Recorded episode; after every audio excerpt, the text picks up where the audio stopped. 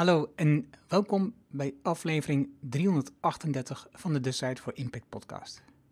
Wij leert van ondernemers en ondernemende mensen die bijzondere resultaten bereiken, welke besluiten ze genomen om hier te komen, wat ze doen, de strategie en hoe ze klanten krijgen. Mijn naam is Erno Hanning en ik deel mijn opgedane kennis, ervaringen en expertise met jou. Ik coach ondernemers zodat ze besluiten nemen om een impact te groeien.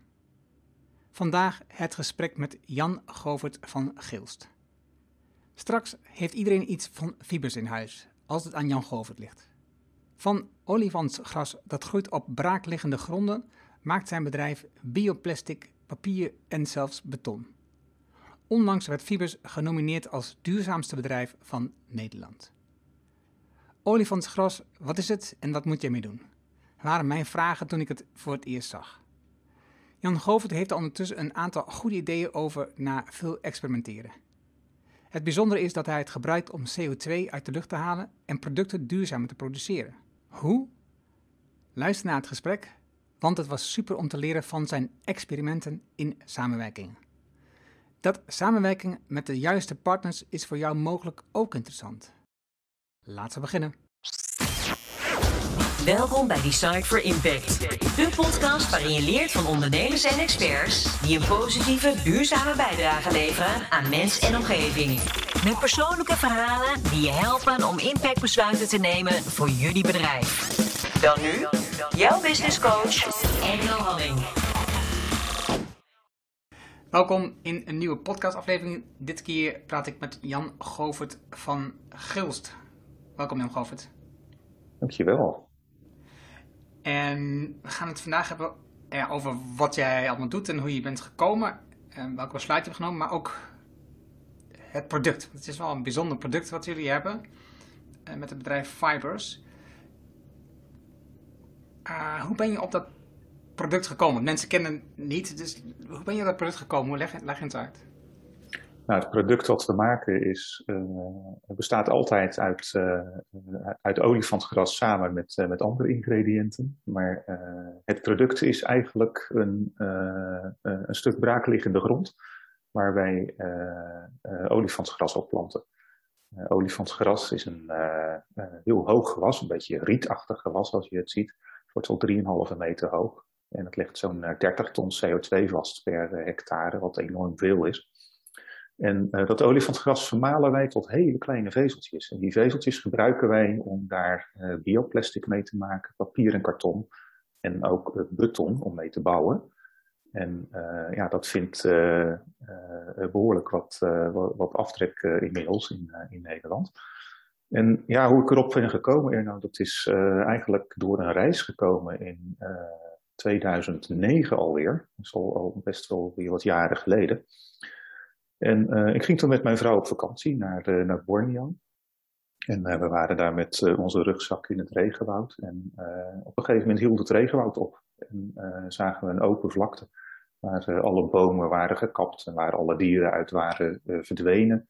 En de bedoeling was om daar palmolie op te gaan telen, om daar van die oliepalmen neer te gaan zetten.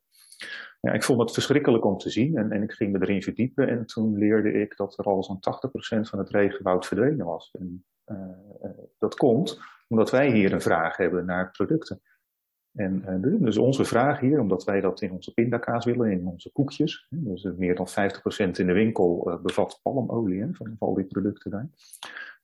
Dus onze vraag heeft verstrekkende gevolgen voor een leefomgeving elders. En uh, ga je nu daar in, in Borneo op het strand kijken, dan ligt daar ook ontzettend veel plastic, wat, wat dan uit de zee komt. Ja, de zogenaamde plastic soep. Nou, ik had er in 2009 nog nooit van gehoord en, en hier niemand niet, denk ik. En, maar ja, het dermate veel met me dat ik besloten heb om ontslag te nemen en er iets mee te gaan doen. Of iets aan te gaan doen liever. En dat leidde ertoe dat ik ja, na het nemen van ontslag uh, aan de keukentafel ben gaan zitten en heb bedacht van ja, maar kun je ook niet in plaats van grondstoffen uit verre landen halen, kun je die niet gewoon hier zo winnen op een of andere manier. En dan liefst op een manier die geen schade toebrengt aan de leefomgeving, maar eigenlijk juist iets toevoegt. Oké. Nu je, je, komt terug van die reis en je bent daar enorm geschrokken. Wat ik heel goed begrijp, ik heb een aantal uh, boeken hierover gelezen. Um, bijvoorbeeld de Duitse journalist um, Kathrin Hartman, die schrijft er uitgebreid over in haar boeken um, Grüne niet, bijvoorbeeld. En, en, het gaat over twee regenwouden, dus in, in uh, Indonesië, uh, die omgeving, maar ook natuurlijk in Zuid-Amerika. Waarbij het dan niet om palmolie gaat, maar waarbij het gaat over, hoe heet het, wat voor dierenvoeding wordt gebruikt. Um, nou, Ligt soja? Die, soja, die precies. Ja, ja precies, soja. En, en natuurlijk ook alleen al voor meer landoppervlak om uh, meer koeien te houden, zodat wij dat vlees hier kunnen eten mm-hmm. tegen een, een spottarief. En hetzelfde geldt natuurlijk, want het palmolie is natuurlijk, er zit in heel veel producten, zoals in pindakaas, er zit gewoon olie. Maar ja, die palmolie die is um, uh, goedkoper en die andere olie is hoogwaardiger, dus die gebruiken voor iets anders en we stoppen de palmolie in. Het is minder lekker, en noem maar allemaal op, het is allemaal slechter voor ons, maar toch, uh, toch doen we het. Want ja, we willen gewoon goedkope producten. Tenminste, dat is wat ons wijs gemaakt. En het is, toch, het is ook absurd dat je zelf daar moet heen gaan om werkelijk met eigen ogen um, daarmee geconfronteerd te worden. Dat, je, dat, je, dat het wordt weggestopt, dat we het niet eens in de gaten hebben dat het gebeurt als je een potje pindakaas koopt, dat je daarmee het regenwoud aan de andere kant van de wereld kapt. Ja, nou ja, inderdaad, net wat je zegt, het is uh, redelijk absurd. En uh, natuurlijk had ik best wel eens wat plaatjes gezien van zo'n gekapt regenwoud. En uh, ja, je hebt dan inderdaad toch zo'n reis nodig.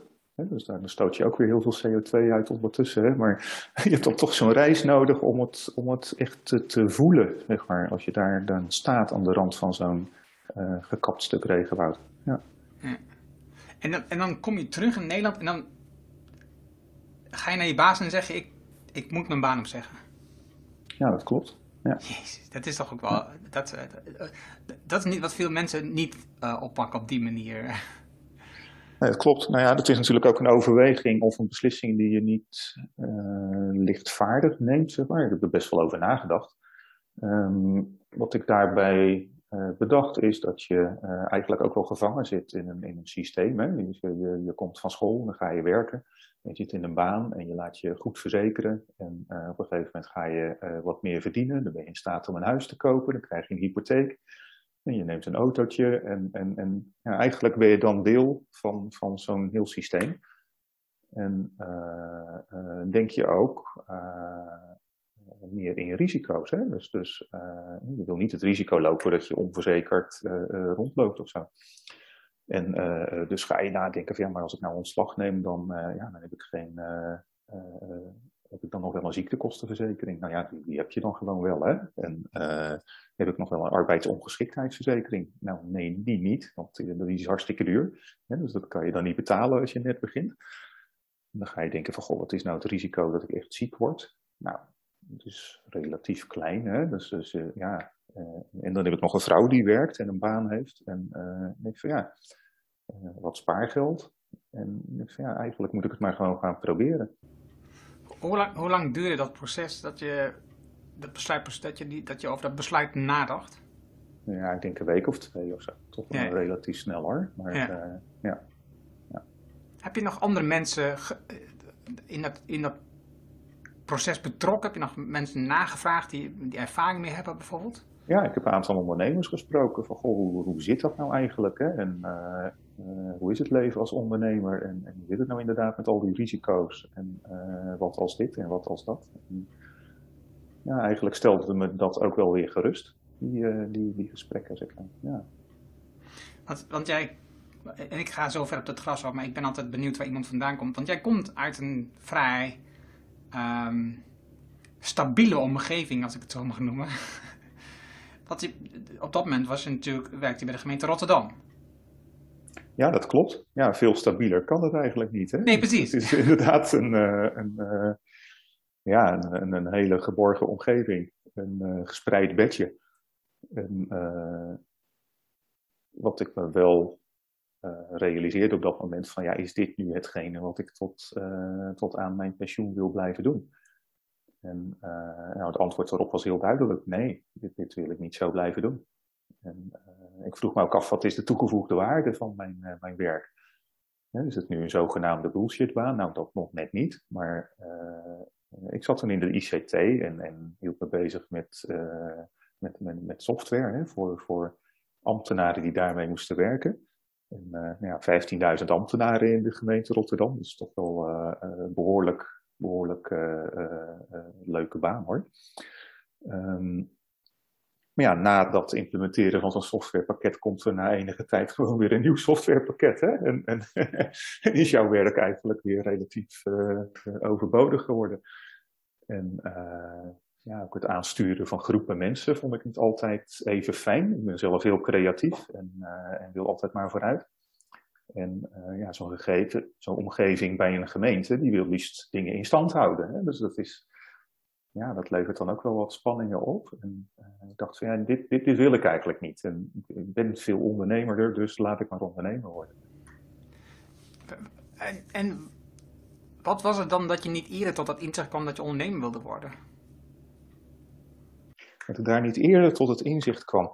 Nou, dat weet ik eigenlijk niet. Ik heb uh, uh, altijd heel, uh, heel fijn gewerkt. Ik ben begonnen als timmerman. En uiteindelijk ben ik s'avonds terug naar school gegaan. En schopte ik het tot hoofd van een tekenkamer. Ja, maar ook een re redelijk creatief beroep natuurlijk. En later ben ik in een commerciële organisatie gaan werken. En mocht ik overal naar klanten toe. En dat vond ik eigenlijk altijd best wel leuk. Dus het kwam eigenlijk niet eerder in me op.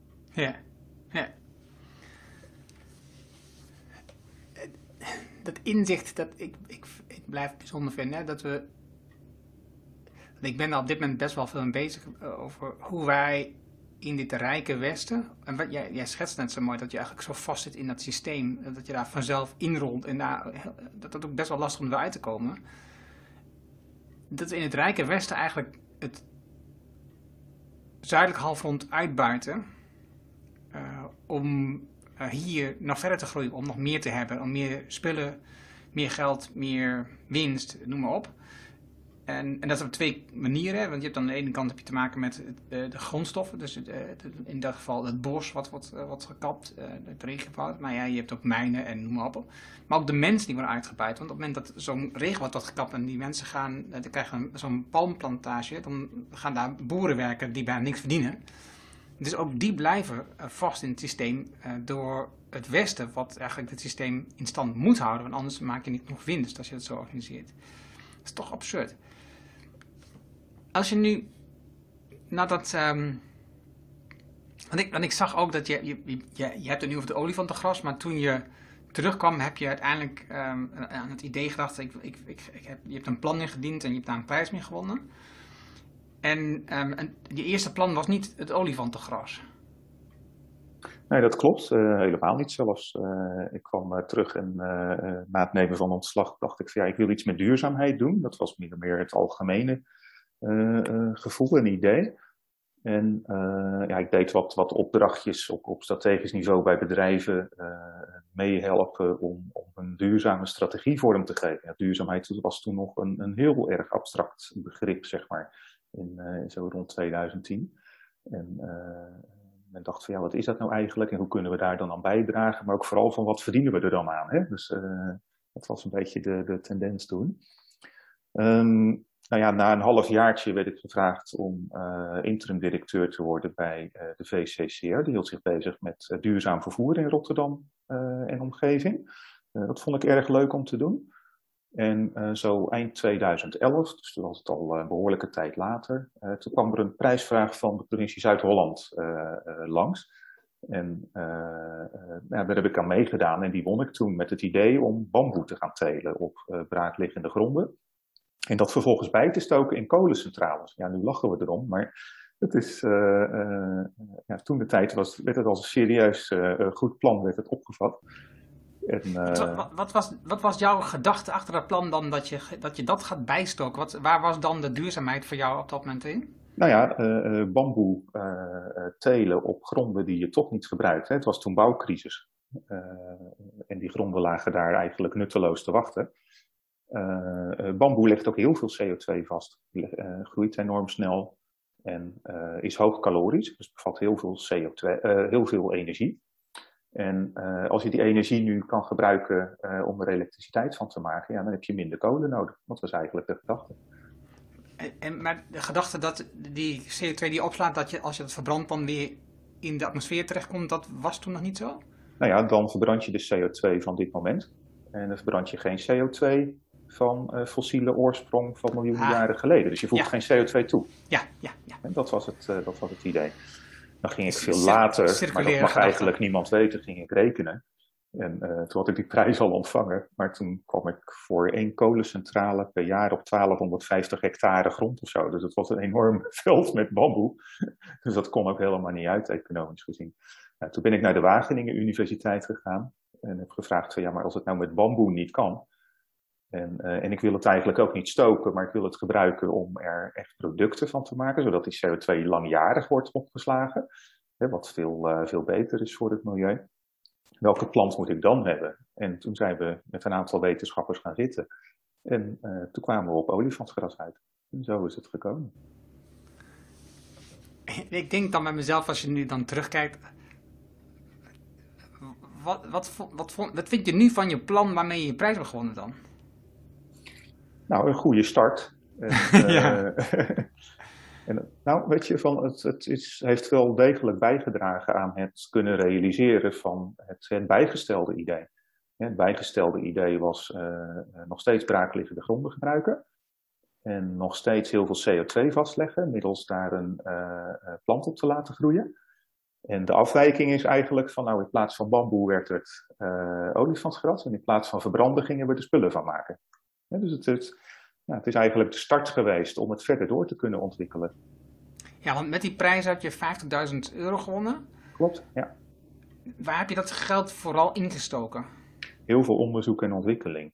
En ook het uh, betalen van het eerste uh, perceel in Rotterdam wat is uh, aangeplant. De olifantsgras aanplanten is een grote investering ook. En ja, ook wel ja, het afleggen van heel veel bezoeken, met heel veel mensen praten die verstand van zaken hebben. En zodoende eigenlijk komen tot, uh, tot nieuwe inzichten, tot, tot oplossingen voor, uh, uh, voor problemen. En ja, maar vooral ook echt praktisch doen, echt onderzoek doen. Dus met zo'n zak met geoogst olifantsgras naar een maalderij stappen en jongens, kunnen jullie dit klein maken?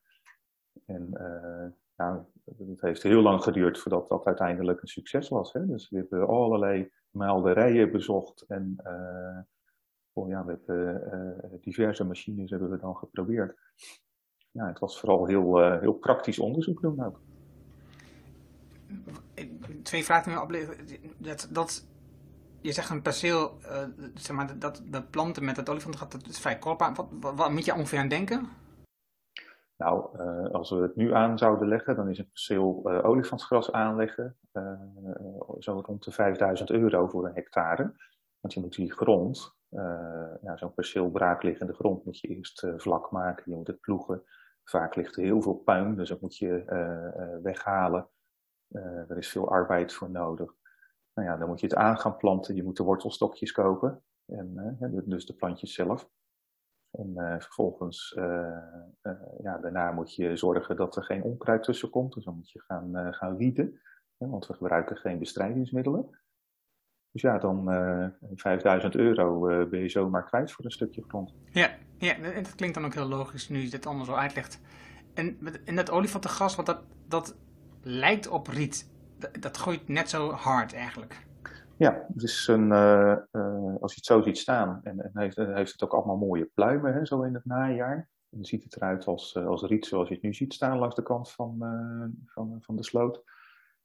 het is wat hoger, zo'n 3,5 meter. En het, is, het heeft een gevulde stengel. En in die gevulde stengel zit een heel zacht materiaal, dat noemen we paragien. En dat is een sponsachtig, zacht materiaal. En daar zit vooral de cellulose in van de plant. En daaromheen zit een, ja, eigenlijk de buitenkant van de stengel, dat is lignine, dat is een heel hard, een heel hard materiaal.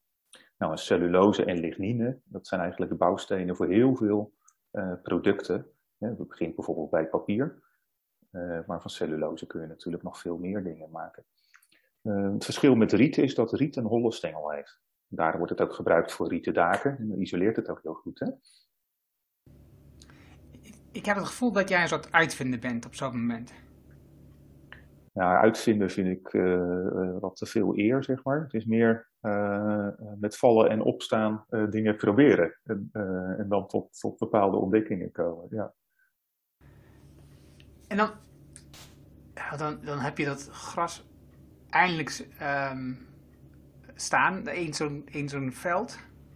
En dan ga je naar die mensen dat vermalen. En dan heb je dus heb je eindelijk een klein gemalen product. En dan heb je eigenlijk je hebt nog niks. Je hebt een soort, een soort halffabrikaatachtig iets waar, waarvan je dan naar mensen toe moet gaan of ze het ergens in willen stoppen. Ja, nou dat klopt. Uh, wat, je, wat je hebt is een zakje met poeder, zo lijkt het. En vervolgens moet je dan verzinnen, ja, wat kan je hier dan mee? En uh, nou ja, ik heb geprobeerd om daar bijvoorbeeld spaanplaat van te maken.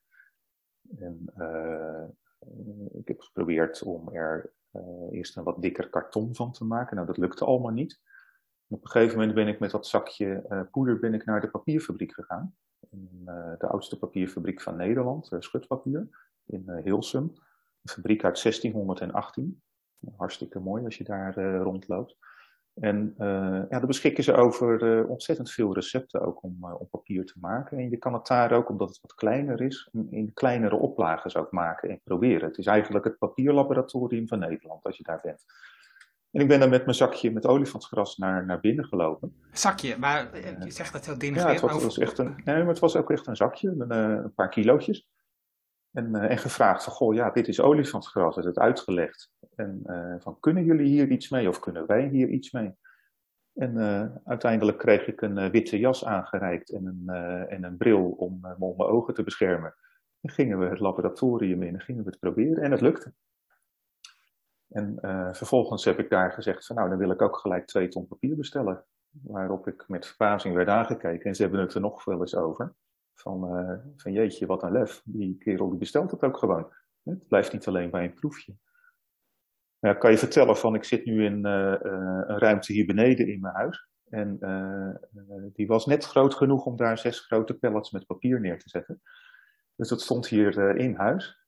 En, en ik heb het met mijn autootje bezorgd naar de klanten die ik ondertussen kreeg. Door een internetpaginaatje te maken met een bestelformuliertje. En dat zette ik op Twitter en dat werd goed ontvangen, dat werd geretweet. En uh, tot op de dag van vandaag zijn er nog mensen van toen die nog steeds uh, papier uh, van olifantsgras bestellen. je maakt het papier nog steeds opnieuw? Het papier wordt nog steeds gemaakt en in veel grotere volumes dan, dan toen in het begin. er zijn al heel wat drukkerijen die ons papier gebruiken. bijvoorbeeld het laatste boek van, van André Kuipers is erop opgedrukt, van onze ruimtevaarder. Uh, het boek van uh, Maurits Groen, het laatste boek, is uh, opgedrukt. En ja, er worden heel veel duurzame jaarverslagen, kaarten, verpakkingen worden er gemaakt van papier van, van olifantsgras. Ja. Dat is toch super? Het is toch zo gaaf? Ja, dus het is dus ook papier wat niet uit verre landen hoeft te komen. Ja. Wat je niet hoeft te transporteren over grote afstanden, waar je geen bomen voor hoeft te kappen. Ja. Het is lokaal papier. Dus, ja, het eh, meeste... Uit Nederland, in Nederland gemaakt. Want het meeste papier voor, zeg maar, voor dat, voor, vooral de dunne papier, wat volgens mij uh, komt uit het Scandinavische landen, uit Zweden en Noorwegen, volgens mij die kant op. Ja, heel veel papier komt uit, uh, uit Maleisië uit Amerika. Heel dus wat anders dus. Ja, het komt dan ook in, in containers komt het deze kant op. Uh, een van de uh, uitdagingen die we gehad hebben is dat het papier ontzettend goedkoop was. Uh, lage, lage natuurlijk geproduceerd. En een van de voordelen van de afgelopen tijd is dat het transport ontzettend duur is geworden. Dus een container nu uit Azië halen kost al gauw 10.000 euro. En vroeger was het 500 euro. Dus het verschil in prijs is kleiner geworden. Het verhaal van fibers is veel beter. En zeker als het om duurzaamheid gaat. En het is een Nederlands product. Dus wat we nu zien is dat mensen dat uh, uh, prettig vinden. En ze willen ook graag bijdragen aan iets wat beter is. En wordt er bij zo'n drukkerij gevraagd om fiberspapier. heb je enig gevoel hoeveel procent van de totale papier in Nederland nu met, met, met olifantengas wordt gemaakt?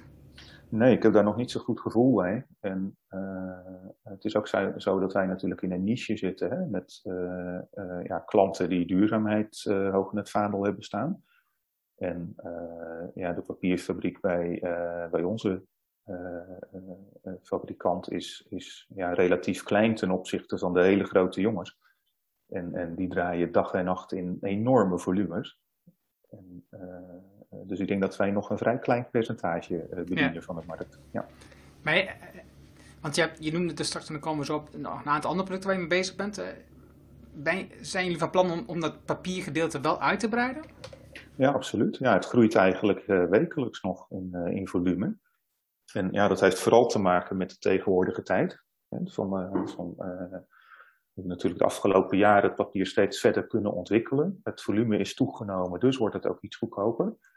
En, uh, nu dat we te maken hebben met die hoge transportprijzen uit verre landen, uh, ja, wordt het verschil dus kleiner, dus de acceptatie in de markt groter. En uh, kiest men er vaker voor. Ja. Ja, je zegt hoge prijzen van transport, maar eigenlijk zijn het gewoon veel eerlijkere prijzen voor transport. Want het is natuurlijk gewoon. Dat klopt, ja. En, en, dan nog, want ook op die um, brandstoffen zit nog steeds geen accijns. Mhm. dus, dus, dan nog is het niet eens de echte prijs. Um, en, en, en de vervuiling zit er nog nauwelijks in. Dus, dus het, het, is nog lang niet op de prijs waar het eigenlijk zou moeten zitten, volgens mij. Dus nee, dus hebben nog wel wat te gaan. Oké, okay, um, ehm, ander. Want ik wil ze even allemaal. Ik, vind het gewoon fantastisch wat jullie maken. Dus ik ben zo gewoon benieuwd naar al die producten. Het betonstuk. Um, beton aan zich is natuurlijk gewoon als goed is weten de meeste mensen dat wel. Dat, is dat, dat stoot gewoon vrij veel um, gas uit, hè, de CO2-gas uit tijdens de productie. Dat klopt, zeker. Ja. En, en wat verandert dat door de toevoeging van fibers? Nou ja, beton is uh, inderdaad een materiaal dat heel veel CO2 uitstoot, met name het cement wat daarin gebruikt wordt. Um, verder is beton ook het meest gebruikte materiaal ter wereld. Dus als je daar nu, uh, al was het maar 1% in zou kunnen verbeteren, heeft dat al enorme impact. Uh, dat ten eerste. Uh, ten tweede is het zo, als je nu een deel van die cementfractie in dat beton zou kunnen vervangen door een ander materiaal en ook nog een deel van die zandfractie, ehm, ja, dan heb je minder cement nodig en minder, minder zand. Dus dat is minder CO2-uitstoot. Als je nu ook nog eens een lichtgewicht, volumineus product daaraan toevoegt, wat olifantsgras is, uh, en een product wat heel veel CO2 heeft vastgelegd in, in de groei, 30 ton CO2 per hectare van olifantsgras, dan kom je met slechts het toevoegen van 1% uh, olifantsgras aan het volume van een kubieke meter beton tot een lagere CO2-footprint van zo'n 35%. Oké, okay. je noemt nou heel veel dingen tegelijk op. Even ja. zien of ik dat kan, uh, in stukjes kan hakken. Um, wat is het voordeel als het als je het zand vermindert in het beton? Uh, zand is een, uh, uh, ja, lijkt het veel voorkomend materiaal. Hè? En, ik bedoel, loop het strand op en je ziet zand. Alleen dat zand kan je niet gebruiken, want dat heeft een hele ronde korrel. En dat heeft een hele lange weg afgelegd, hè, van, de, van de berg door de rivier naar de zee. En is dus rond geworden. En ronde korrels die hebben geen haakweerstand, die haken niet in elkaar en ja, zorgen voor onvoldoende sterk beton. dus je hebt zand nodig met meer haakweerstand. brekerszand bijvoorbeeld, dat is gebroken, heeft, een ruw kantje, heeft, een, heeft veel meer haakweerstand. of rivierzand bijvoorbeeld heeft dat ook. Um, daar is niet zo heel van veel van op de wereld. Nog sterker, er begint een tekort te komen aan zand, wat geschikt is voor, voor beton. Nou ja, uh, verminder het aandeel zand in een kubieke meter beton en je hebt wat winst.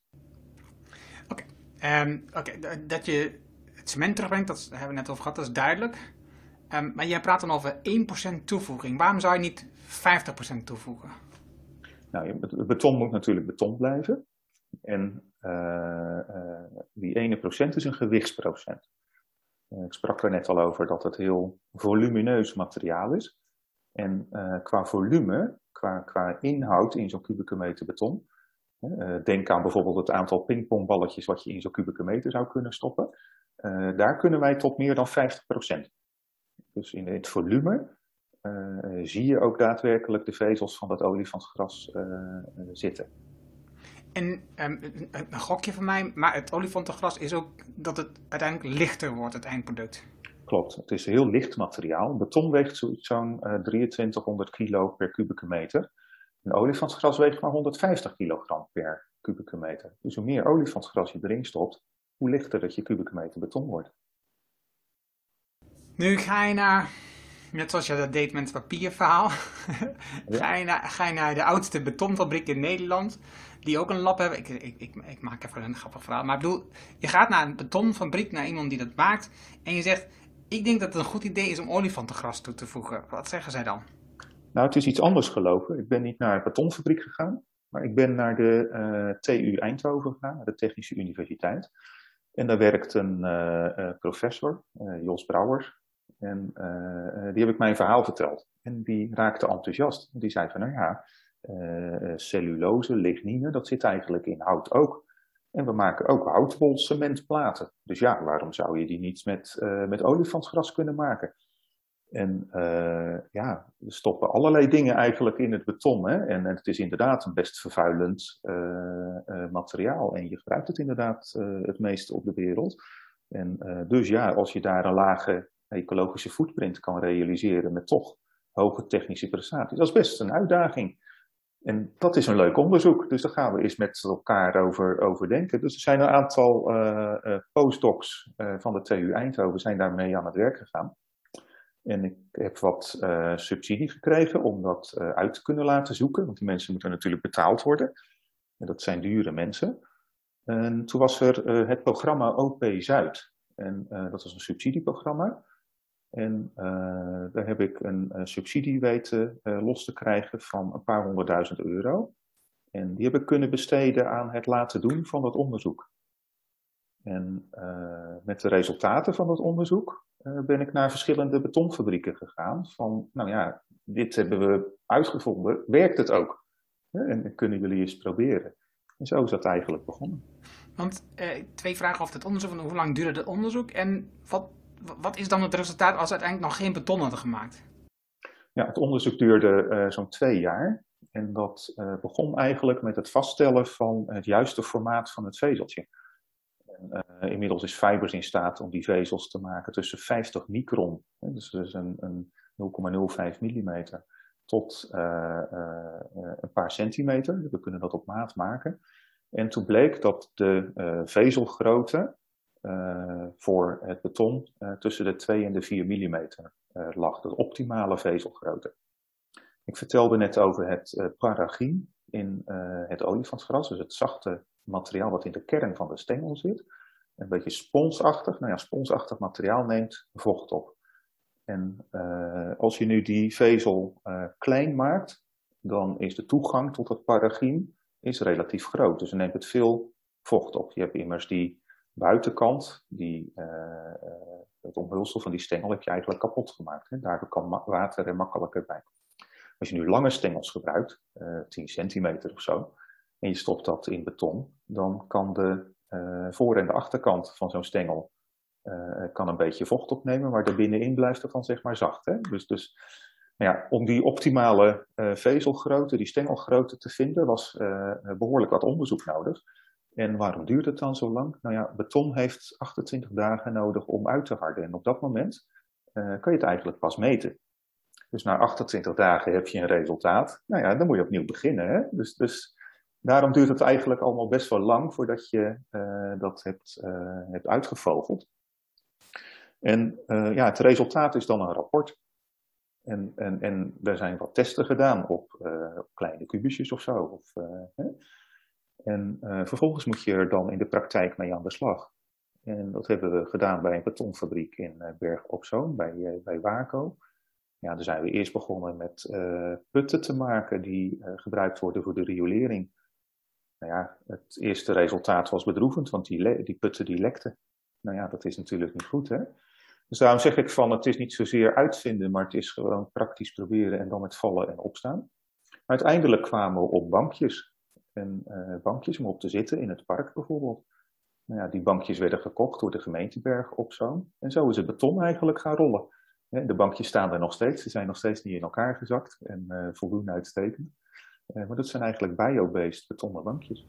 Nee, dus als ik het dan goed begrijp, en vertaal betekent dat je het beton wat je nu hebt aangevuld met, wat zij hebben aangevuld met, met fibers, met fibers, um, daar kan je niet alle producten nog mee maken. Nou, beton uh, is er natuurlijk in vele soorten.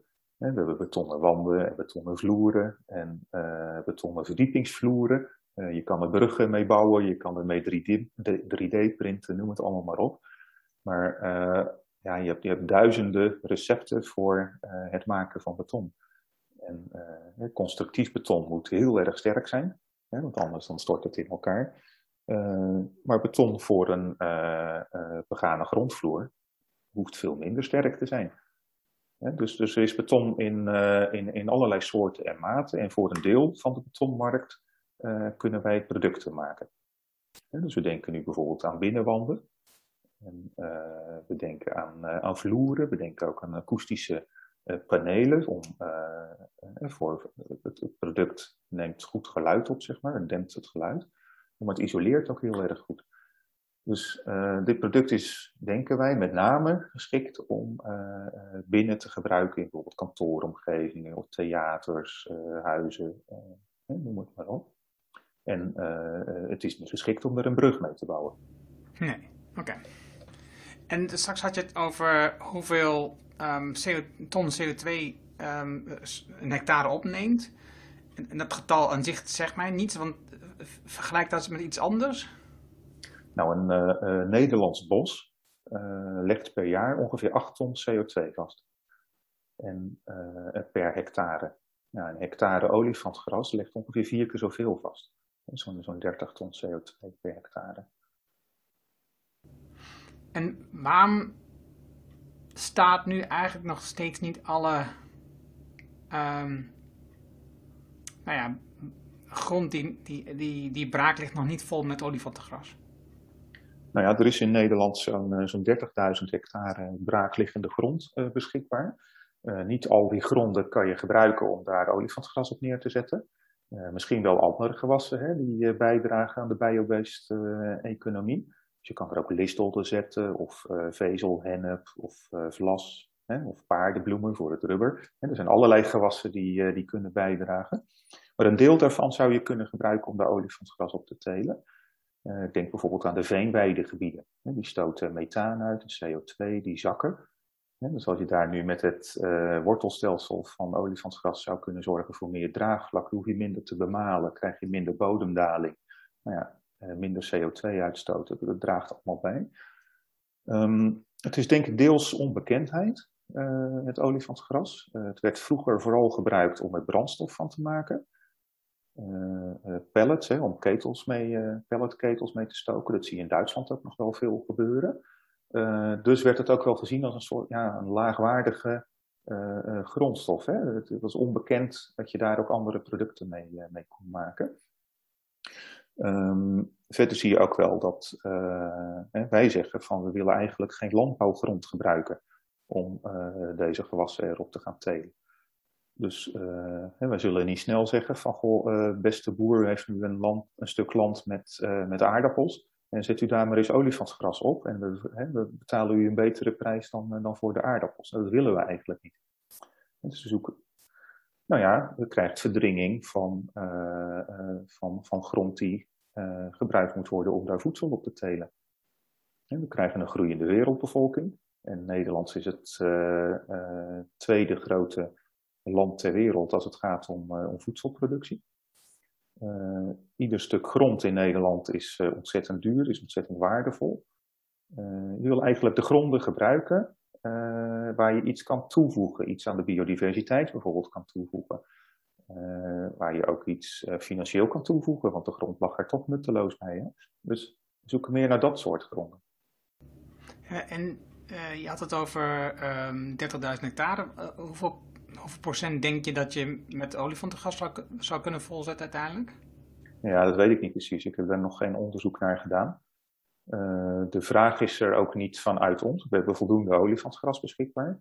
En hier in Nederland kunnen we al beschikken over zo'n 100 hectare. En ja, we hopen dat, dat als de vraag bij ons groeit, dat het ook geleidelijk mee kan groeien dus we hopen bijvoorbeeld op waterschappen of uh, natuurorganisaties die zeggen van ja, voor natuurinclusieve landbouw zou je prima olifantsgras ook kunnen gebruiken. Uh, dus in dat soort gebieden kun je dat ook telen. We proberen het geleidelijk mee te laten groeien met het, uh, met het volume wat we nodig hebben. Ja, ja. En dan um, een, een, minstens zo interessant product. is dat het plastic afvervangen? Um, nou ja, vervangen is een. Uh, wat we doen is uh, olifantsgras uh, mixen met een bioplastic. We maken daar een fibers bioplastic van. Het bestaat uit aardappelzetmeel. Dat komt uit een reststroom van de aardappelverwerkende industrie. Je moet je voorstellen, als je patat snijdt van een aardappel, wordt daar water bij gebruikt. Dat water bevat dan nog een beetje zetmeel.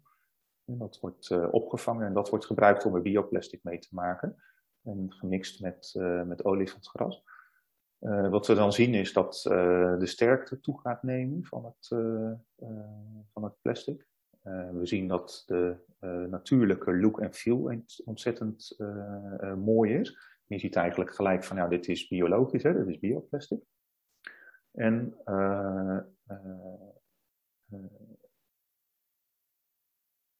als ik kijk naar, naar de CO2, zeg maar, ja, dan leg je ook langjarig leg je, uh, die CO2 vast in het product. En dat zijn eigenlijk de drie voordelen, en naast dat het ook een lokaal product is, van het, uh, van het uh, bioplastic. En dat is eigenlijk weer hetzelfde verhaal geweest van inderdaad met een zakje met, met vezels, maar dan veel kleiner, naar een Nederlandse bioplasticfabriek stappen en vragen van, goh, kunnen jullie hier iets mee? En, uh, net zoals het bij de papierfabriek ging.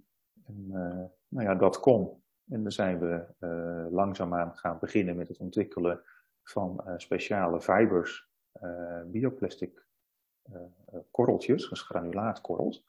Met de gedachte dat als we die korreltjes hebben, dan kunnen we die eigenlijk gebruiken in bestaande productieprocessen.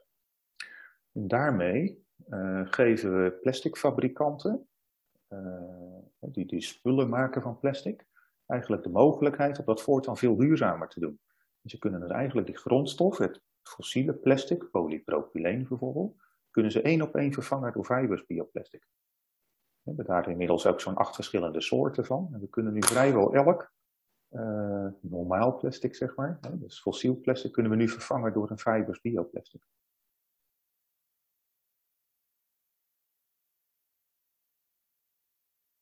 Ik zou denken als we kijken hoeveel, hè, als je naar jouw plastic soep kijkt, die je toen in 2009 zag, um, en die, die alleen maar erger wordt uh, in de oceaan. Hè. Dus het duurt nog een paar, er zit er meer plastic in de oceaan dan de vis in zit. En ik zou denken dat is, dat is iets waar, we waar we heel hard mee in de slag moeten gaan om, da, om te zorgen dat we dat, dat, uh, dat fossiele plastic uh, uit de wereld krijgen. Ja, ik denk dat dat een goede constatering is, ja. Dat zouden we moeten doen, en, uh, maar het gebeurt nog onvoldoende. En, en dat komt door? Nou, dat komt door de prijs, voornamelijk. Het is heel, uh, heel plat. Ik kan er heel verhaal over vertellen, maar uiteindelijk uh, heeft het allemaal te maken met de prijs. Het is duurder dan het plastic wat uit, uit Saoedi-Arabië komt, bijvoorbeeld. Ja, en ik zag in een van je verhalen, ik moest gewoon even lachen. Je was toen naar een van de grootste plasticfabrikanten gestapt. Um, die dus, uh, zeg maar, de oorsprong heeft in Saoedi-Arabië, als ik het goed had gelezen. Mm -hmm.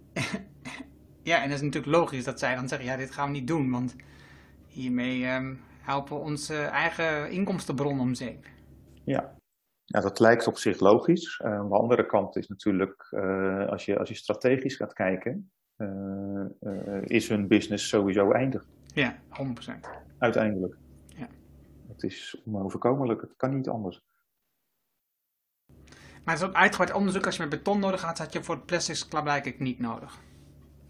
Um, nou, er is best wel veel onderzoek en ontwikkeling uh, gebeurd. En dan gaat het vooral om het optimaliseren. Dus je maakt in eerste instantie maak je wel een, uh, een bioplastic. Uh, vervolgens ga je daarmee spuitgieten om er iets van te maken. En dan gaat dat niet in één keer goed. Dan, dan wordt bijvoorbeeld de mal niet helemaal gevuld en is het niet vloeibaar genoeg of zo. Hè? Of is er iets met de temperatuur en dan verbrandt het. Of, dus je moet ja, ook hier weer met vallen en opstaan leren en bijstellen. En nou ja, ik kan je vertellen, dat is ook ontzettend kostbaar. want om een, ja, je kan niet één kilootje bioplastic maken. Dat, dat wordt in een fabriek gemaakt, dat zijn grote volumes. Dus je moet een paar honderd kilo bioplastic maken. En dan heb je een groot aantal zakken. Waarbij je misschien na één zak al tot de conclusie komt van hé, hey, het werkt niet. Nou, dan kun je alles uh, eigenlijk uh, ja, niet weggooien, want het wordt hergebruikt. Maar uh, is het eigenlijk zinloos materiaal, zeg maar. Of overbodig materiaal geworden. Dus het vergt heel veel investeringen ook om te komen tot het optimale product. En uh, ja, dat hebben we nu acht keer gedaan met acht verschillende soorten bioplastic. En uh, ondertussen gaat het veel makkelijker, hè, want je weet veel meer. En je weet dat je nu uh, grovere stukjes olifantsgras niet kan gebruiken in bioplastic, want dan kan het niet door zo'n klein spuitmondje. Of het levert heel veel wrijving op in de machine. En wrijving betekent warmte. En warmte betekent verbranding en verkleuring. En reuk ook. Hè. Dus ja, het zijn allemaal dingen die je dan leert in de loop der tijd, zeg maar. En uh, ja, het is zeker niet zo dat het uh, van, van de een op de andere dag gelijk lukt. Dat het één groot succesverhaal was. Nee, absoluut niet. Nee, nee dat, dat, was, dat is wel duidelijk. En als je, wat even nog dat biobased plastic. Um, ik vraag me af of ik het zelf goed begrijp, maar ik, ik, denk dat de meeste mensen het niet zo goed begrijpen. Hè? Dat, we hebben nu een oranje zak of een oranje ton. Um, de meeste mensen wel in de huishouding of ergens anders, waarbij je het, een scheiding maakt tussen plastic en um, metalen die dan in die ton moeten. Overigens, in sommige mensen gaat dit wel af, want dan is de scheiding, als ze het in één keer doen, uh, goedkoper dan dat ze het weer apart gaan scheiden. Maar goed. Nu, dat biobased plastic, dat, dat breekt af als compost. Als ik het goed begrijp, toch? Ja, er zijn uh, verschillende soorten bioplastic. Uh, begint eigenlijk bij de definitie van biobased. En biobased betekent van biologische oorsprong. Dus het wordt niet uit olie gemaakt, maar het wordt uit uh, planten gemaakt. Bijvoorbeeld inderdaad uit aardappels, zegt. Um, biobased plastic kan uh, degraderen, dan heet het biodegradable. Dus dan verdwijnt het in de natuur, blijft er niets van over, niets wat, wat schadelijk is, geen reststoffen. Maar van biobased uh, plastic kun je ook een plastic maken die niet biodegradable is die blijft gewoon bestaan. Net als normaal plastic. Dan is die wel recyclebaar, maar dan is het geen plastic die verdwijnt in de natuur.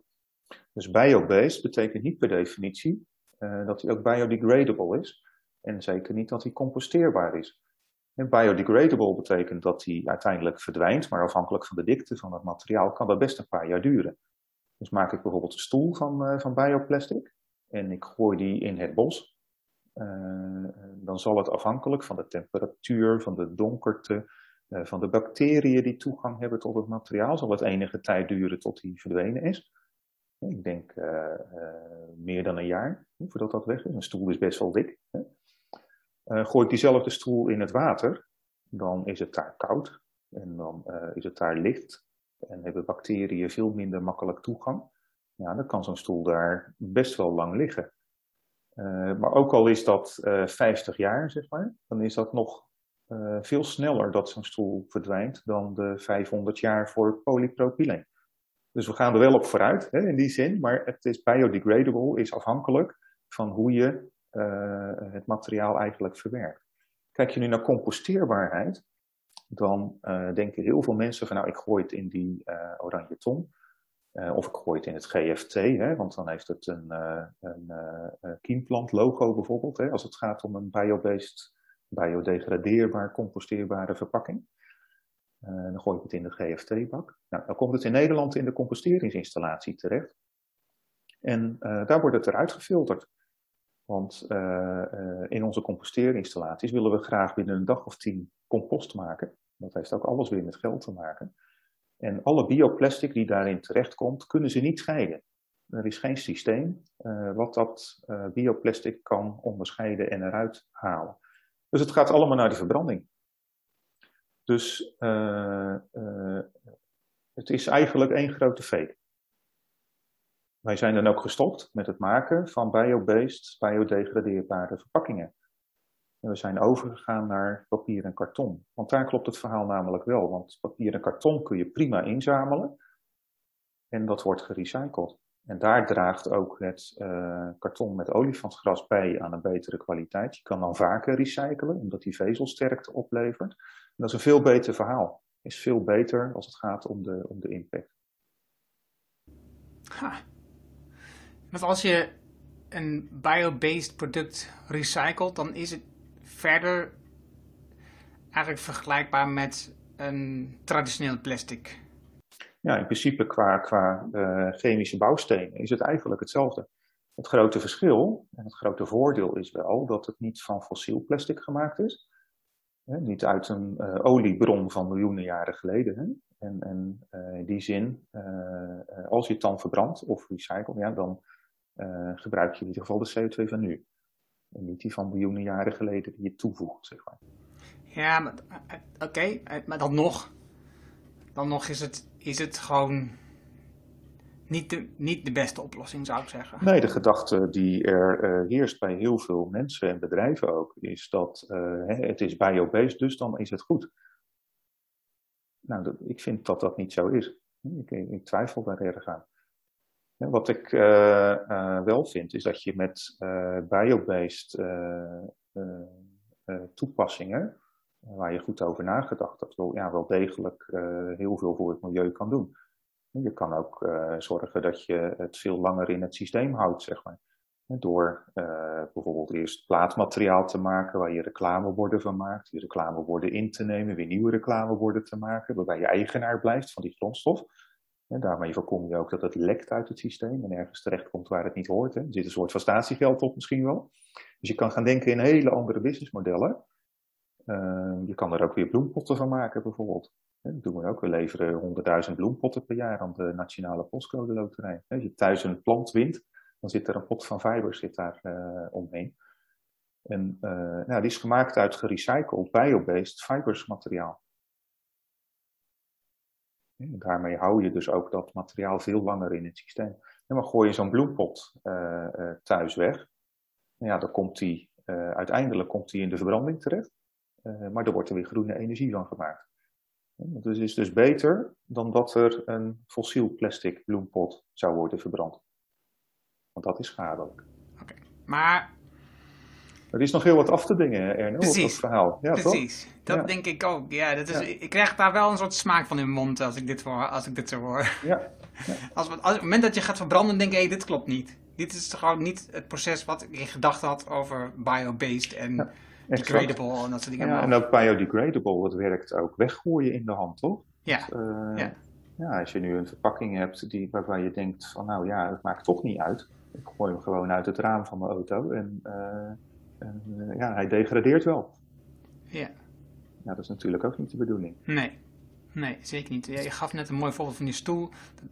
Veel mensen denken, ja, dat doet toch niemand? Nou, A, het gebeurt wel. Maar B, um, de meeste mensen gooien geen stoel, maar, maar wel een verpakking van iets wat ze net hebben gegeten. Ja, klopt. Dus ik denk dat we naar hele andere businessmodellen ook kunnen. Waarbij we uh, als fabrikant eigenaar blijven van die grondstof. Ja. Ja, dat is, is natuurlijk sowieso. Het is natuurlijk van de gekke dat fabrikanten zoals Coca-Cola en uh, hoe heet ze in Frankrijk, uh, die zoveel plastic flesjes uh, maken, ehm, zo lang hebben tegengehouden dat we daar statiegeld voor gingen vragen, omdat zij vinden dat de, en dat, zo promoten het ook, dat de consument de veroorzaker is van het afvalprobleem.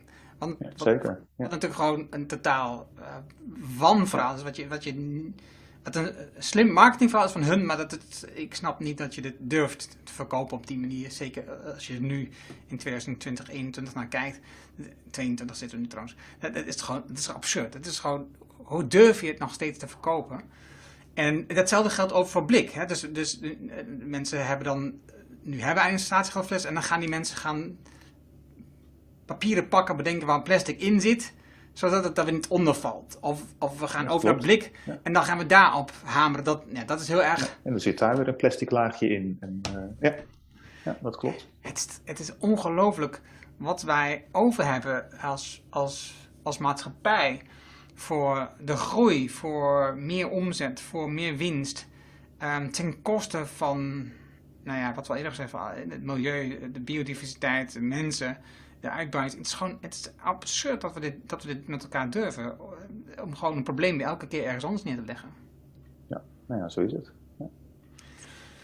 Nu, uh, ik, wil, ik heb twee dingen waar ik heen wil. Ik, eerst even het, toch iets, een idee waar ik had. Want je, we hebben net een aantal producten beschreven. Ben je nu al bezig met een volgend product? Of zeg je nou voorlopig geconcentreerd met deze um, drie, vier onderwerpen? Nou ja, Fibers is een bedrijf. Hè. Een bedrijf wordt geacht uh, winst te maken. En, uh, uh, dus uiteindelijk word je ook gedwongen om een focus te hebben op liefst één product. nou, dat lukt me niet. um, maar we hebben nu wel gezegd van we gaan ons vooral richten op papier en karton en bioplastic. dat is nu een materiaal waar heel veel behoefte aan is. daar is ook heel veel milieu-impact te winnen. Dus dat draagt heel veel bij aan, aan onze doelstellingen in allerlei opzichten. En uh, niet alleen aan onze doelstellingen, maar ook aan doelstellingen van bedrijven die met onze materialen hun producten produceren. Hè. Zij kunnen duurzamer produceren en consumenten kunnen dan duurzamer kopen. En dus uiteindelijk zou ik heel graag zien dat met die producten straks iedereen iets van fibers in huis heeft. En dat ze allemaal op die manier een bijdrage kunnen leveren aan een beter milieu. Um, we gaan ook starten met beton, uh, waarbij we uh, heel graag zouden willen dat uh, ja, eigenlijk de milieu-impact van beton verlaagd wordt. Nou, beton is best wel lastig, omdat je beton niet over al te grote afstand ook kan vervoeren. Hè? Dus je moet altijd met je vezels moet je eigenlijk naar zo'n betonfabriek. En dan in een straal van een kilometer of dertig of zo kan je dat dan gebruiken. of je moet naar geprefabriceerd beton toe. En dan kun je het op grotere afstanden weer, weer gaan gebruiken. Um, ja, beton is een, uh, een, business eigenlijk in ontwikkeling op dit moment. En daar hebben we nu een aantal voorbeelden van, van producten die we willen gaan wegzetten in de markt. Maar daar laten we nog van ons horen, zeg maar. Het is nog niet, nog niet helemaal uitontwikkeld. maar met ja, bijvoorbeeld bloempotten, met, met drukwerk, ja, daar zul je ons steeds vaker gaan tegenkomen, denk ik. Er zijn wat uh, nieuwe ontwikkelingen, uh, waarbij ik denk van, goh, dat zou je ook met, met olifantsgras kunnen doen.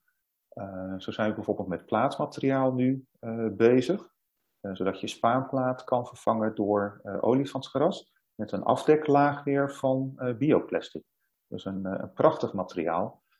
Ja, daar kan je bijvoorbeeld allerlei meubels en zo mee maken, of keukenkastjes. Of, dus ik zeg, Ikea, we komen eraan. ja. Nu um, zag ik dat je ondertussen geen, um, nou, wat voor titel ik heeft, maar CEO bent van je bedrijf meer. Heb ik dat goed begrepen? Ja, dat klopt. En uh, uh, ja, op een gegeven moment moet je, om meer impact te maken, moet je echt gaan groeien. En kijk, je kan niet alles alleen. Hè? Dus je kan niet en volledig bezig zijn met, met ontwikkeling van nieuwe materialen het aansturen van, van mensen in je organisatie, het besturen, je governance van je organisatie met je aandeelhouders, deals maken met contracten sluiten met allerlei bedrijven die je materiaal gaan gebruiken. En het is best veel, alles bij elkaar. En je moet ook kijken van nou wat past bij je. En op een gegeven moment ben ik tot de ontdekking gekomen van ja, ik ben eigenlijk liefst bezig met het ontwikkelen en bedenken van, van toepassingen. En in zo'n fabriek rondkijken van, goh, wat zouden we hier kunnen maken hè, van ons olifantsgras. En dat is eigenlijk wat ik het liefste doe. En zo zijn we nu bezig met 3D-printfilament. En ja, als je ons op onze LinkedIn-pagina kijkt, dan zie je de kathedraal van Dresden nu geprint met, met fibers 3D-printfilament. Ja, ik vind dat geweldig. Ik vind dat fantastisch. Ik word er helemaal warm van. Van de week hadden we een, een vergadering, zeg maar. Ja, ik bedoel, ja, het is nodig, maar ik, ik vind het niet zo leuk. Hè? Dus, dus ik zeg van ja, ik heb liever een, een ervaren bestuurder, een ervaren CEO. CEO is natuurlijk ook een titel, ja, we zijn een klein bedrijf, en, en, maar, maar, maar liefst iemand die het groot kan maken, die, dat, die, die dat echt leuk vindt om te doen. Dus dat, dat, dat draag ik graag over, zeg maar. Nu, nu noem je je hebt te maken met aandeelhouders, want ehm, met hoeveel aandeelhouders heb je te maken? Hoeveel procent van het bedrijf bezit je zelf nog? Uh, nou ja, ik doe daar eigenlijk liever geen uitspraak okay, over. prima. Ik, prima. beheers, uh, bezit nog een behoorlijk uh, aantal aandelen. en verder hebben we een aantal privépersonen die vanuit het verleden al hebben, hebben bijgedragen aan, aan de groei van fibers. we hebben ook bijvoorbeeld Stichting Doen van de, van de Postcode Loterij. ja, wat family offices die, die meedoen. En, ja, proberen op die manier proberen we uh, ja, het aantal, aantal aandeelhouders uh, ook beperkt te houden. Zeg maar. Het moet ook, ook allemaal te besturen blijven. Ja, precies. Ik, zie, ik zag voor mezelf ook een soort risico op het moment dat je met een CEO werkt, met aandeelhouders te maken. En jij wilt graag die, die, die, die ontwikkeling doen en op zoek gaan naar nieuwe. Dat een bepaald dat je wel zegt, nou, stop me even met die ontwikkelingen, want we willen gewoon nu um, de bestaande producten gewoon vermarkten. En daar hebben we gewoon alle aandacht voor nodig. Dus jij moet gewoon dit gaan doen. Dat is natuurlijk een risico wat je dan loopt. Ja, klopt. Ja, maar dat gebeurt natuurlijk ook. Ja. Kijk, en uh, ja, maar weet je, van doe je dat niet, uh, dan gebeurt er ook op een gegeven moment helemaal niks. Hè? Want er wordt uh, niks een succes. En je moet eerst een aantal dingen echt tot ontwikkeling brengen en succesvol maken. Ja, dan kun je met het volgende voorzichtig eens gaan starten. Ja. En maken jullie al winst of of zit het, wanneer verwacht je winst te maken? Uh, op sommige producten wordt uh, winst gemaakt, maar op andere producten niet. En onderaan de streep maken we nog geen winst. Uh, maar het is de bedoeling dat we daar zo in 2025 zijn. En dat we dan een buitengewoon gezond bedrijf ook zijn. Oké, okay. dat zou toch super zijn. Dat is niet zo heel lang meer. Wat is voor jou als je nu wat is, wat is voor jou de grootste uitdaging de komende tijd? Nou, de grootste uitdaging is het uh, uh, behalen van voldoende omzet en met voldoende uh, marge om fibers verder te brengen. dat is een uitdaging waar we als team voor staan. En dus voldoende groei. En om ook die producenten, zeg maar, duurzamer te kunnen laten produceren. Hoe groot is het team nu? we zijn nu met zeven mensen. Ja. Dat is ook een hele bewuste keuze. Hè? Dus uh, we kiezen daadwerkelijk of, of heel bewust voor samenwerking met de industrie. Uh, dus we willen geen eigen machines hebben. Als we eigen machines hebben, dan kunnen we ja, een heel klein deel van de markt kunnen we bedienen. Dan werk je met heel veel partijen samen. dan kun je een hele grote markt eigenlijk bedienen. Hè, door het leveren van die grondstoffen. Nou ja, ik, ik, ik, ben, ik denk dat samenwerking um, uiteindelijk meer kans heeft, omdat iedereen probeert aan zich dingen te doen. En, dus, en, en, ook met de samenwerking dat jij uh, veel, een veel breder um, aanbod krijgt van verschillende fabrikanten die jouw product gaan gebruiken dan dat je dat zelf zou gaan vermarkten. Mm -hmm. um, zijn jullie bijvoorbeeld al bezig in het buitenland? We zijn heel voorzichtig zijn we bezig in het, uh, in het buitenland. We krijgen ook ontzettend veel vragen uit het buitenland. Echt van Dubai tot Singapore, Verenigde Staten, uh, noem het allemaal maar op. Dus we hebben wereldwijd behoorlijk wat, uh, wat aandacht ook. Um, ja, weet je, je kan niet alles. Hè? Dus, dus ook hier geldt weer van, van focus. en vooral ook op de Nederlandse markt en lokaal. Uh, maar ik, ik, denk er wel over van, goh, ja, je zou in het buitenland zou je het ook weer lokaal kunnen gaan organiseren. En als je dat dan op heel veel plekken doet, ja, dan kun je heel veel impact ook bereiken. Ja, want anders ga je weer slepen met grondstoffen en dan vanuit Nederland naar het buitenland. Ja, dat is ook weer niet de bedoeling. Nee, nee want daar hadden we het met Holy Greens ook even over, omdat die natuurlijk eigenlijk ook afhankelijk zijn van de lokale groenteafval. Uh, ja afval, tussen quotes. En dus zij zijn op zoek naar boeren die dat dan op, ja, in, hè, dus lokaal organiseren en ook dan weer lokaal bij supermarkten aan kunnen bieden. Juist, het, ik, ik, denk dat dat ook de weg is. Hè? Dat je niet nadenkt over hoe, hoe kan ik als, ik, als ik het heel duurzaam doe, hoe kan ik dan groter worden? hoe kan ik ervoor zorgen dat mijn idee verder komt? En dat het Juist, ja. de duurzame gedachte wordt verplaatst naar op locatie in plaats van dat we weer straks die uh, oceaanschepen met die containers de andere kant op sturen. Dat is denk ik niet de weg. Als ik het goed begrijp, heb je ook vooral salesmensen nu ehm, in je team. Dat is, de focus zit op, op, op de omzet, op de saleskant. Correct, ja. ja. Bij alles wat we doen, denken we na over, uh, over sales. En uh, ja, weet je, dit, dit, op een gegeven moment kom je ook tot het inzicht van ja, we hebben nu heel veel leuke gesprekken gevoerd hè, met sommige partijen.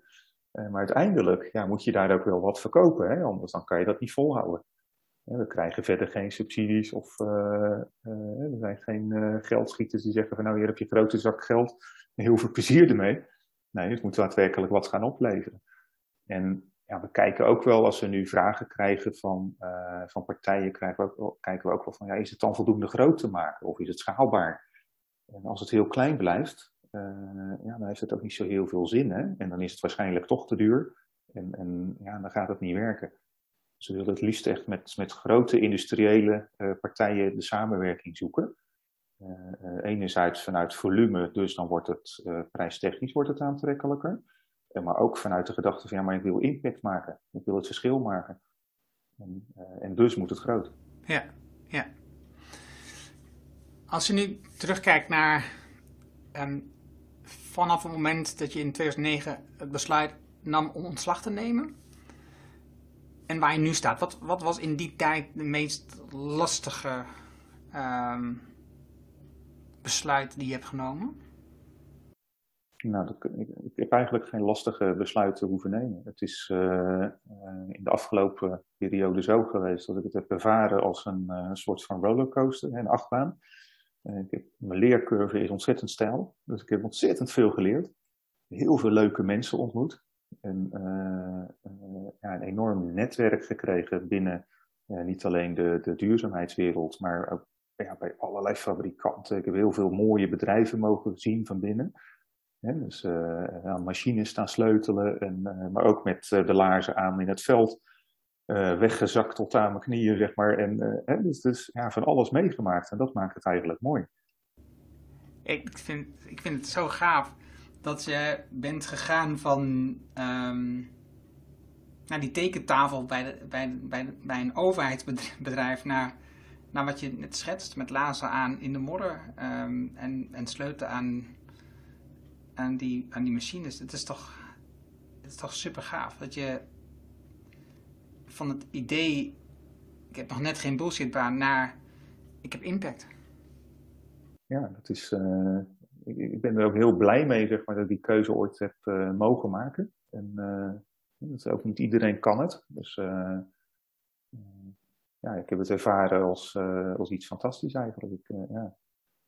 Als je in de mogelijkheid bent, zou ik het zeker doen, zou ik tegen mensen willen zeggen. Ja, ja precies. En, en nu, ik maak deze, dit soort gesprekken met jou, neem ik op om te delen met andere ondernemers, om te laten zien dat het werken kan.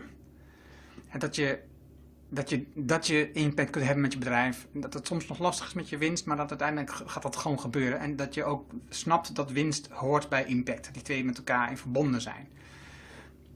Wat, um, zou, wat is jouw advies naar, naar ondernemers die op dit moment nog niet duurzaam produceren? Um, mijn advies aan, duurzaam, aan niet duurzame producenten is, uh, kijk eens naar bijvoorbeeld rapid prototyping, zoals dat dan zo mooi heet in het Engels. Uh, betekent eigenlijk niets meer of minder dan in je bestaande ballen, bijvoorbeeld in je, je plasticfabriek. Kijken van, kan je daar nou eens een andere grondstof in gebruiken en wat heb je dan? Of kijk naar de onderdelen van een apparaat. Welk onderdeeltje zou je nou op te beginnen eens kunnen vervangen door een duurzamer materiaal? Uh, kijk naar een, uh, een ombouw van een bed of zo. En uh, kijk van nou, de, de verbindingstukjes daarvan, die zijn nu van fossiel plastic. kun je die maken van duurzamer plastic? begin gewoon. En kom tot de ontdekking middels rapid prototyping. Hè, dus heel snel iets in handen hebben, bijvoorbeeld met 3D-printen. Je komt bij ons langs op kantoor met je productje, met je, met je hoekverbindingstukje, zeg maar, voor je bed of zo. En dan uh, hebben wij op kantoor iemand zitten die zegt van nou, is een mooi productje, ik maak er eens een scan van. En dan loopt hij naar de 3D-printer. En een half uurtje later loop jij met datzelfde product, maar dan in fibersmateriaal loop je weer naar buiten. En dan kun je het vasthouden, je kan het voelen, je kan het testen. Je kan het in de praktijk testen, uh, van is die voldoende sterk ook. Nou ja, dat maakt de drempel om te starten met duurzamer materiaal veel, veel lager. Dus het is een kwestie van goed kijken en volhouden. Jan Govert, ik heb veel geleerd in het gesprek. Ik heb genoten van uh, je verhalen, ook hoe je uitlegt van het vallen en opstaan. En dat, het ook, dat je het ook niet ziet als een, als een beperking of. Dat je dus ook soms kleine winsten um, goed beschrijft. Dus 1% van de beton, maar dat heeft toch heel veel effect. Weet je? Dat, je, dat, ik, dat ik een soort snap, oh ja, het is toch, het is toch belangrijk dat we het doen. Dat we het, doen weet je? het is een stap in de goede richting. Het is nog niet, nog niet het resultaat waar we naartoe willen, maar het is wel een stap in de goede richting. En van daaruit kun je verder. En dat, eh, dat vond ik zeer leerzaam, dankjewel. Heel graag gedaan. Ik vond het een uh, ontzettend leuk gesprek met je. En uh, ik vond het uh, hele leuke vragen waar ik af en toe nog best wel eens eventjes over moest nadenken. En ja, dank je wel hiervoor. Dat was het mooie gesprek met Jan Govert. Je vindt de namen en links die we noemden in het artikel dat bij deze uitzending hoort. Ga naar voor decideforimpact.com slash show 338. Wil je vanzelf automatisch de volgende aflevering op je telefoon ontvangen? Dat kan heel eenvoudig. Heb je een iPhone, dan zit daar standaard de Apple Podcast app op. Open die app, zoek op de Decide for Impact podcast, klik op abonneer en zet ook even aan dat je alle aflevering wilt downloaden. Heb je een Android-telefoon, installeer dan eerst bijvoorbeeld de Player FM app, open die app, zoek de Decide for Impact podcast op en klik op abonneer. Dankjewel alvast. Heb je een vraag, opmerking of reactie over deze aflevering met Jan Govert of over de podcast in het algemeen? Stuur dan een e-mail naar podcast.decideforimpact.com. Dan weet ik dat het van de podcast komt. Ik hoor super graag van jou. Wil je leren hoe je iedere dag 195 belangrijkste acties realiseert? Wil je 7 tips hoe je uit de waan van de dag komt en de lange termijn doelen nu realiseert? Vraag dan het boek Impactbeslissingen voor een leider aan op decideforimpact.com. Dit is mijn nieuwste boek en je downloadt het daarom nu gratis. Je hebt zelfs geen e-mailadres nodig. Er is ook een Kindle en EPUB versie. Wil je de papieren versie van het boek? Dat kan ook. Je betaalt dan alleen de verzendkosten. En omdat het mijn nieuwste boek is, krijg je dus dat boek gratis. Vraag het daarom nu aan op decideforimpact.com. En ik weet, je hebt een volle agenda, je leest het in één avond tijd. Dankjewel voor het luisteren en graag tot de volgende. Dankjewel voor het luisteren naar deze aflevering van de Decide for Impact podcast. Ga voor jouw volgende stap naar decideforimpact.com.